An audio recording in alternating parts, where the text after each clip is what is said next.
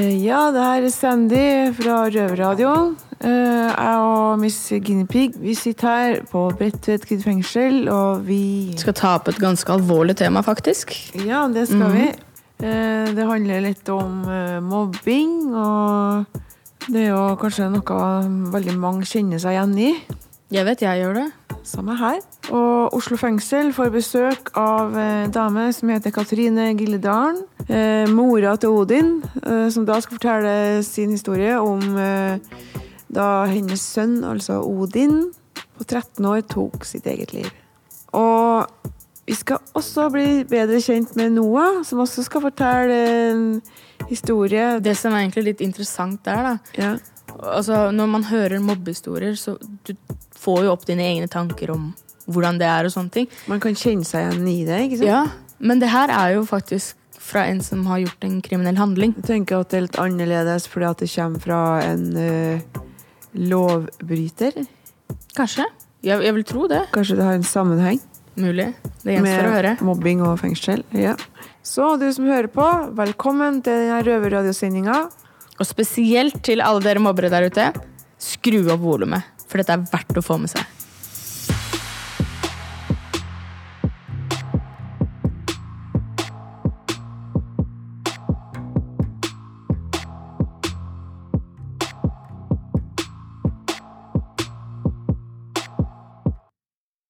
Mange vil nok tenke at en typisk innsatt er en mobber, men det finnes nok av de bak lås og slå som har vært på andre siden også, men som kanskje har tatt på seg en beinhard fasade, som en slags overlevelsesstrategi.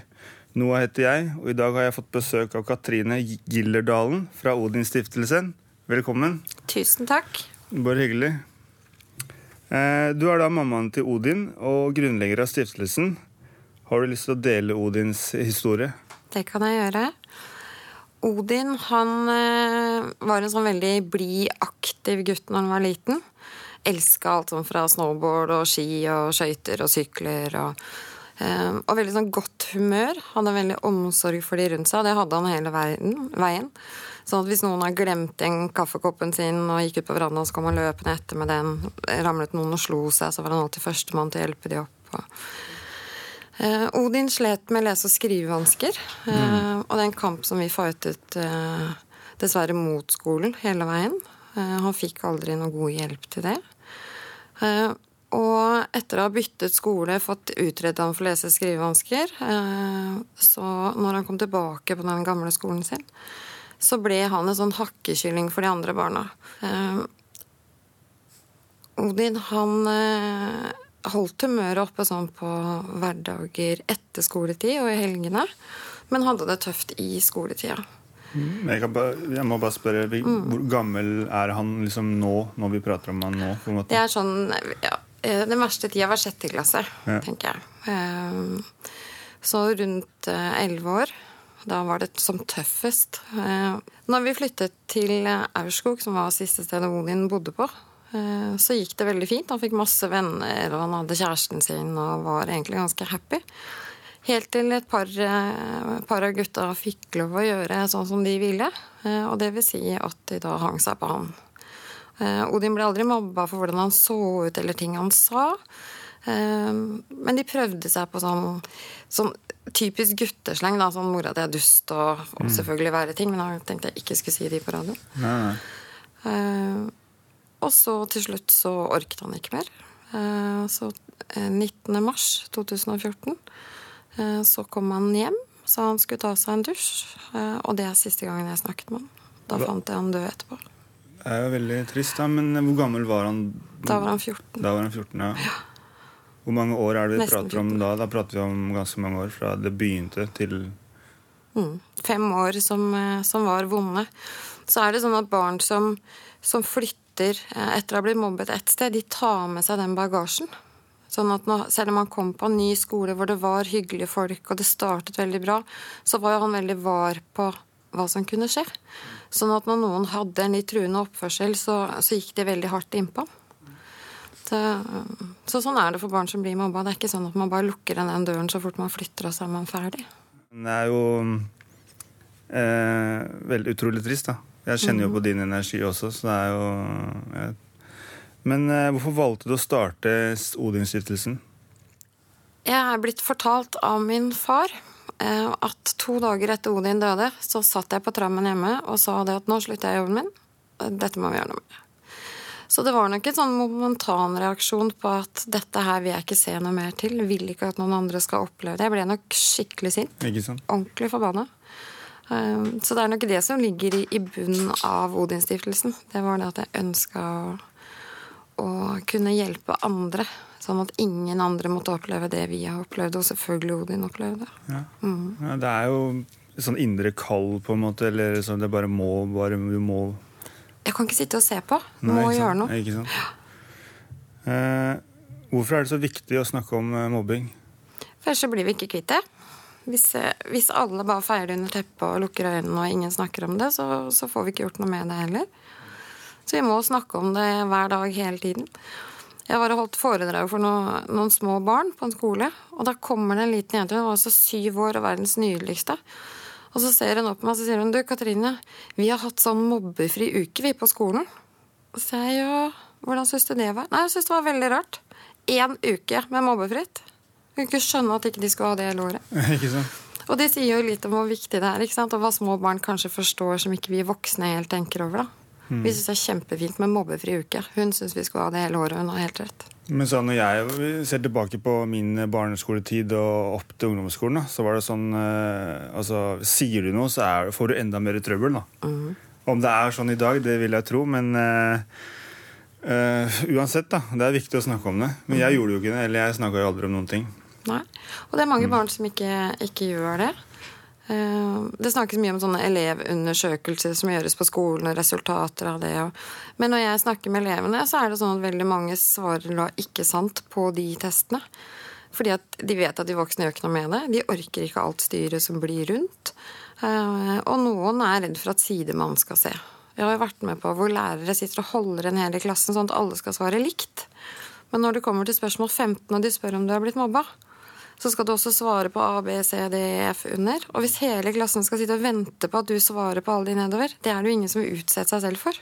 Sånn. Du vil ikke sitte der og bare 'nei, bare vent på meg, jeg blir mobba', jeg skjønner du, så jeg skal bare svare videre. Det er som vi snakka om litt i stad, det er man på en måte undertrykker det viktige, eller fjerner det som på en måte burde vært tatt tak i, da, sett fra voksnes eh, øyne. da. Og det har, handler sikkert med skam å gjøre òg, for at de voksne òg, tenker jeg. At man, de må jo bare få Ja.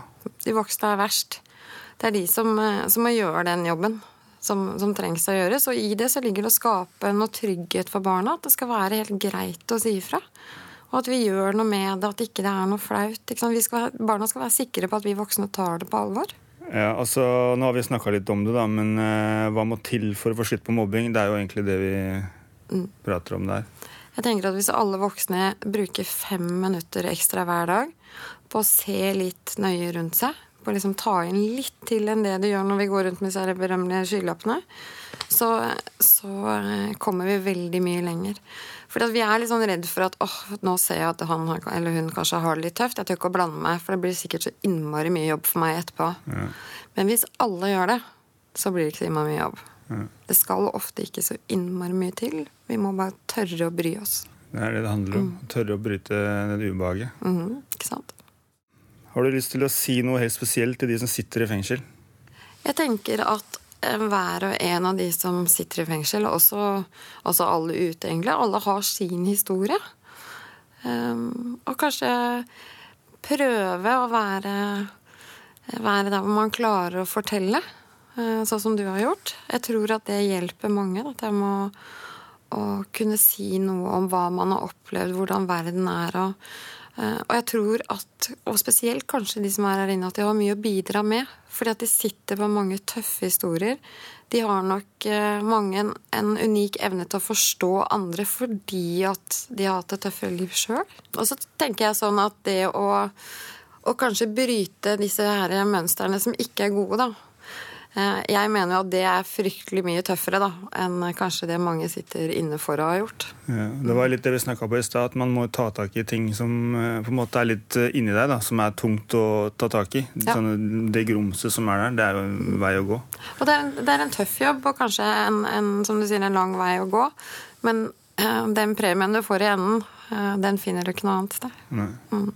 Eh, takk for at du kom eh, og delte Odins historie her på Røverradioen. Katrine Gillerdalen. Og Tusen lykke takk for til videre med arbeidet ditt. Takk, takk.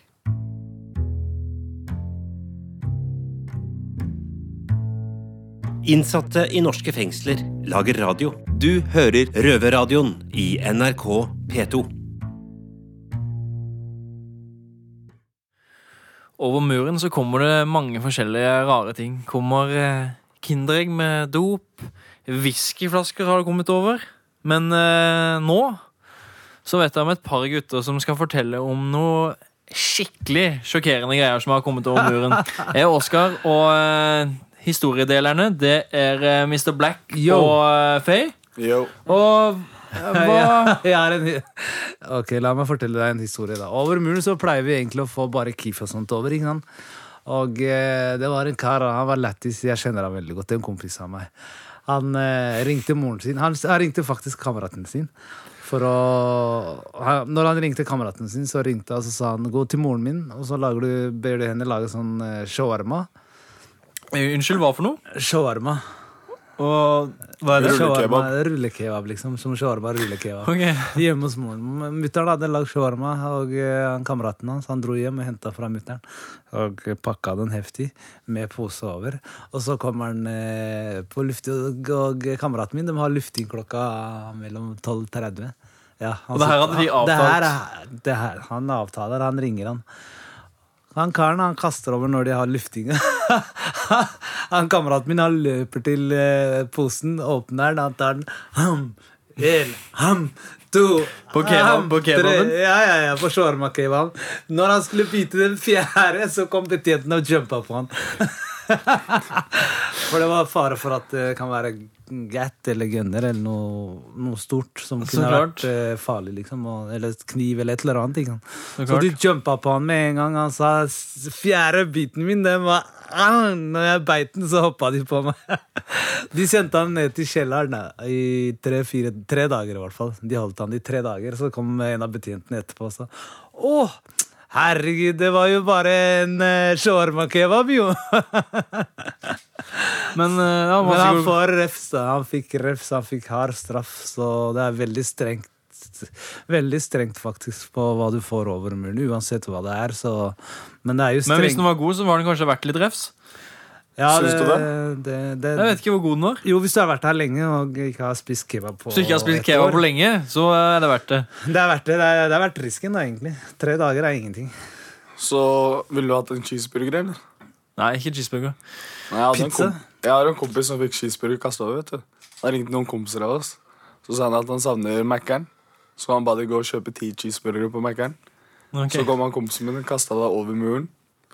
Og da var han andre kompisen min på A1. Så så han en somalier som var der, så han ga han en cheeseburger. Så, så gikk de. Så så vaktene det, så de kom løpende ut. Da han ba han spytte det ut igjen. Hva med han somalieren, da? Hæ? Hva med han Han somalieren? somalier han gikk han hjem til burgeren lille i lomma si, og så gikk han videre og spiste den og koste seg. Men, Vil du, eh, vil du høre det mest ironiske med dette? Det mest ironiske var at han ikke spurte om chicken salsa. Nei, det mest ironiske er at han havna i retten for det. Såpass. Så jeg måtte i rettssak for å ha fått cheeseburger over. Du blir Så jeg spurte han hva han skulle si. Når han skulle møte dommeren, så sa han hei, jeg skal bare si til dommeren Hei, jeg savna cheeseburger, og jeg vil ha cheeseburger. Så da var det som ble kastet over. Du kan ikke gi meg straff for cheeseburger. Hamburger! I got a hamburger! Men eh, du blir anmeldt for eh, alt hvis du blir tatt med ting som kommer over muren. Så kan du bli anmeldt for det. For det kunne ha vært Uansett dop, eller hva det kunne ha vært våpen. Men da så det er samme. det, når det er større ting, så er det mer bekymringsfullt. Fordi jeg er redd for at det kan være våpen. Jeg skjønner jo litt at de reagerte på en pose. da Jeg har svær pose med shawarma-kebab. Det kan jo se ut som en eh, pistol. Rett og slett. Så det skjønner jeg jævlig godt òg. Så de, de måtte sende den inn da i anal til analyse for å sjekke om hva som var oppi der. At kjøtt- fant- om kjøttet var så- godt? Ja, ja, ja, om det var godt stekt. ja, men eh, det er egentlig mye som kommer over eh, den muren der. Og så var det her om dagen. Faktisk så glemte jeg å fortelle dere det. Det var eh, på En helt fersk nei, historie. Nei, det var på mandagen. Når vi var her på mandagen på Røverradioen, så var det en kar som hoppa over muren. Hoppa over Ja, over muren. Den store luftegården. Ja, Nei, ikke store luftegården. Det var her. Jeg tror det var på den sida. Han hoppa over muren, faktisk. Det var her på mandag det skjedde. Ja, det var, det var her på mandag Det var rødt uh, lys utafor Nei, inne på fengselet. Nei, Så det er skjedde. Jo, jo, jo. Nei, nei, nei. Det er. Vil du vite hva som skjedde? Jeg vet Nei. akkurat hva som skjedde Hva Han satt i femte etasje. Fjerde-femte. Nei, det var en fra ut, utefra, ikke innefra. utefra som det var inn? utefra, en som hoppa fra. Jeg fikk vite det i går, jeg, faktisk, på Retretten. Hvem faen er det som vil bryte seg inn? Men vi må, vi må runde av. Men hva, hva, hva, hva, var- var det en som kom ut, eller en som kom inn? Nei, en som kom inn i fengselet. En som, Hoppa eh, inn i fengselet. Okay, så det har kommet kebab har kommet over muren. Cheeseburger og en person har kommet over muren. Mr. Black tenkte jeg å hoppe inn i fengselet, og jeg tenkte folk skulle hoppe ut av fengselet. Men nå er det sånn at folk hopper inn.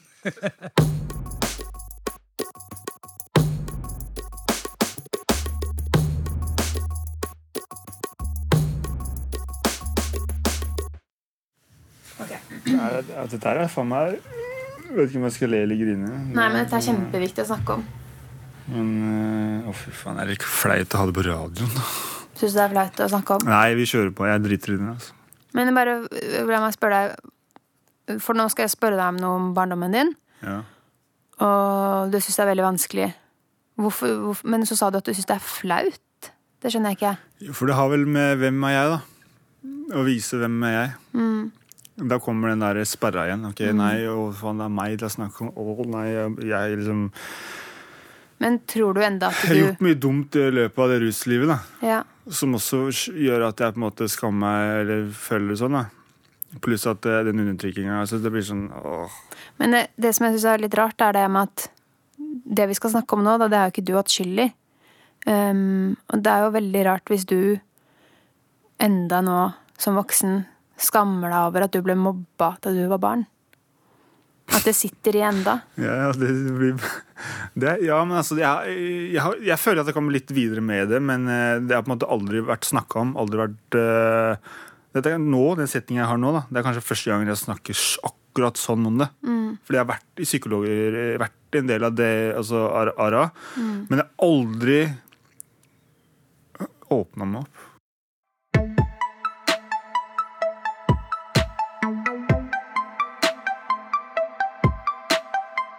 Innsatte i norske fengsler lager radio. Du hører Røverradioen i NRK P2.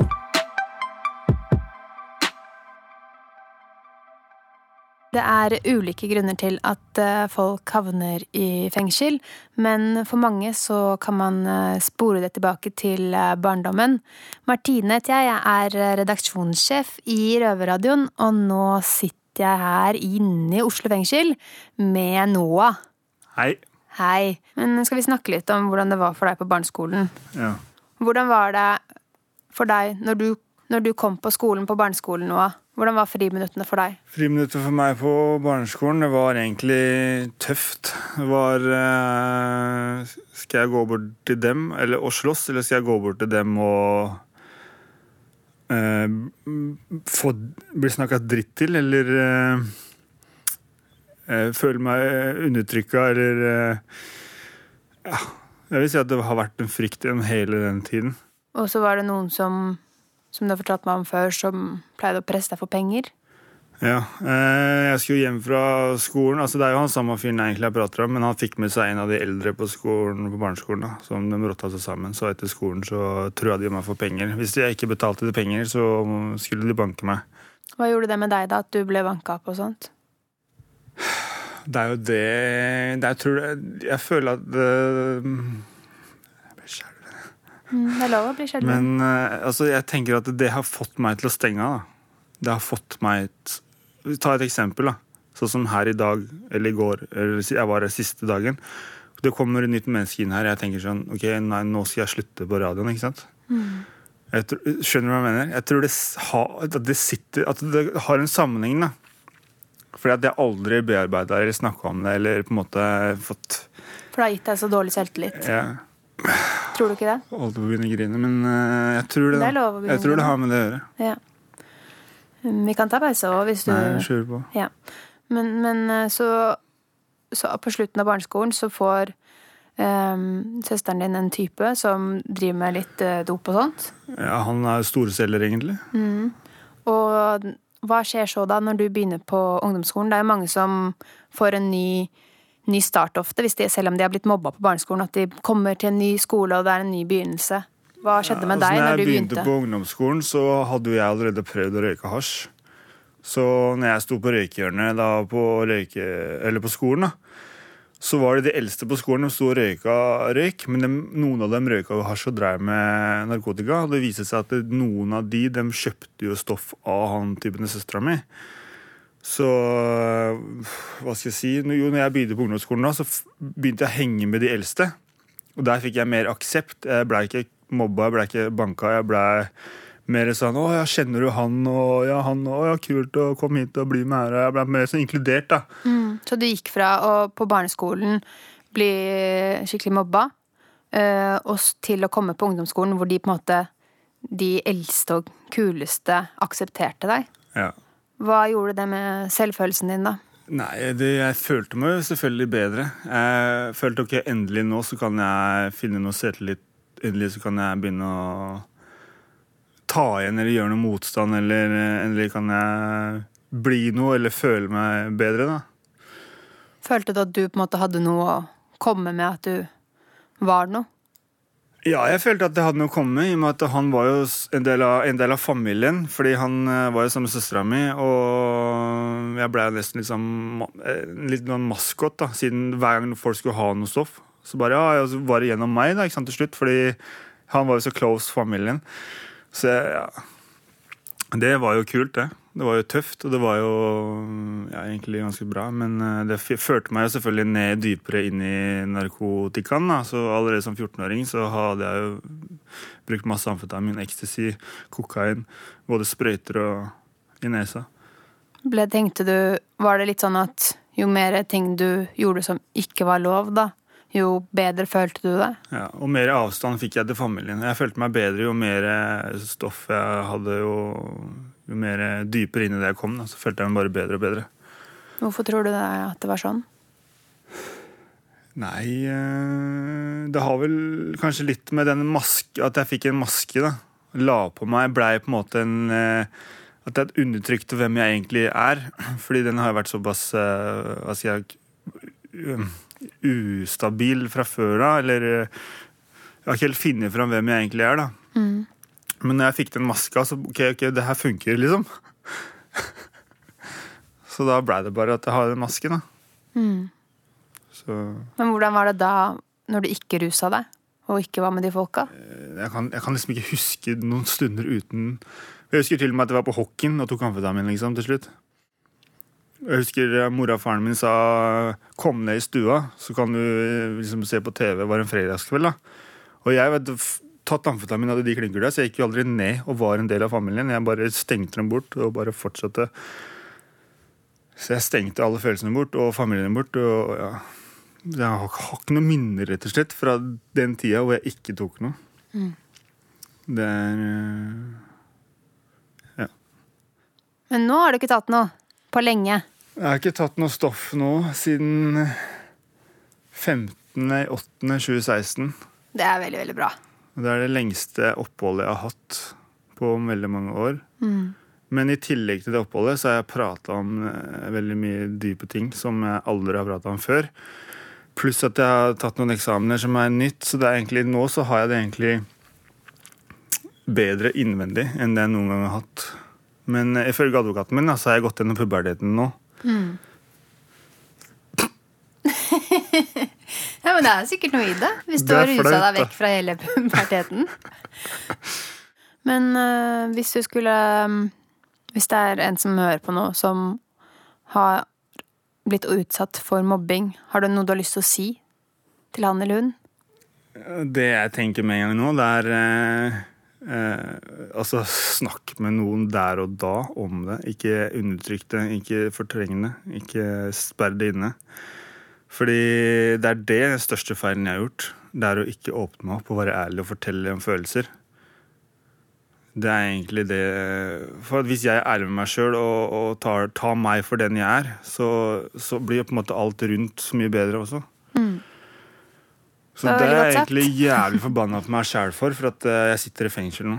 Eh, Hadde jeg tatt tak i ting når jeg, ja, fra jeg var ung, så hadde jeg aldri sittet her. Men det hjelper ikke å være sint på seg selv for det. Hvorfor ikke? Nå må du være fornøyd med det arbeidet du gjør nå. Du har vært rusfri så lenge, og du er snart ferdig med puberteten. Ja. Men Men Noah, tusen, tusen takk for at du delte den historien her. Bare hyggelig. Det vet jeg ikke var lett for deg, og det setter vi veldig pris på. Det er hyggelig. Jeg blir flau ennå. Hvorfor det? Jeg trenger jeg være flau nå? Nei. Var det teit til det? Nei.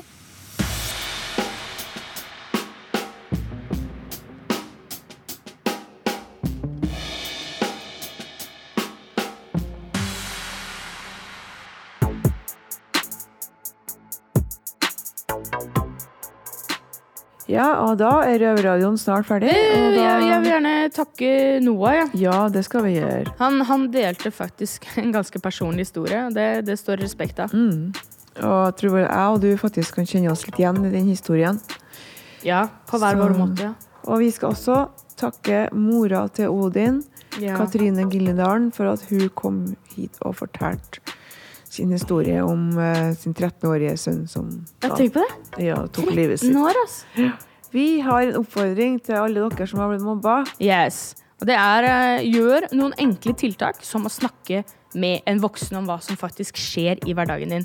For det er noe sånn at hvis ingen veit at du blir utsatt for mobbing, så er det heller ingen som kan hjelpe deg. Så hvis du sier fra, så er du faktisk tøffere enn mobberne. Det er du. Så lykke til med det. Ja. Mhm. Neste uke, Sandy. Hva er det som skjer da? Da kommer han Thomas Seltzer. Og han har nemlig luska rundt i gangene her eh, i fengselet med både kamera og mikrofoner. Ja. Altså i lang tid. På alle avdelingene i fengselet her. Ja. Ja. Det ble, jeg har faktisk sett den dokumentaren eh, på forhånd. Den er veldig bra. Ja, for greia med Thomas Seltzer er det at han har eh, lagd en dokumentar om kvinner i fengsel. Ja. Så da takker jeg for oss, og vi ses igjen. eh, Men før vi sier takker for oss sånn ordentlig, hva, hva har du på planen i dag? Uh, det er ikke store greiene. Det er bare å ordne meg et deilig måltid og slappe meg ned og På cella? slekke på rommet. På rommet, ja. Ja. ja. Rom, celle, uansett. Det er eh, et sted vi sover og spiser. Ja. ok. Ja. Ok, da takker vi for oss, og vi. vi sier bare Ha det! Ha det bra!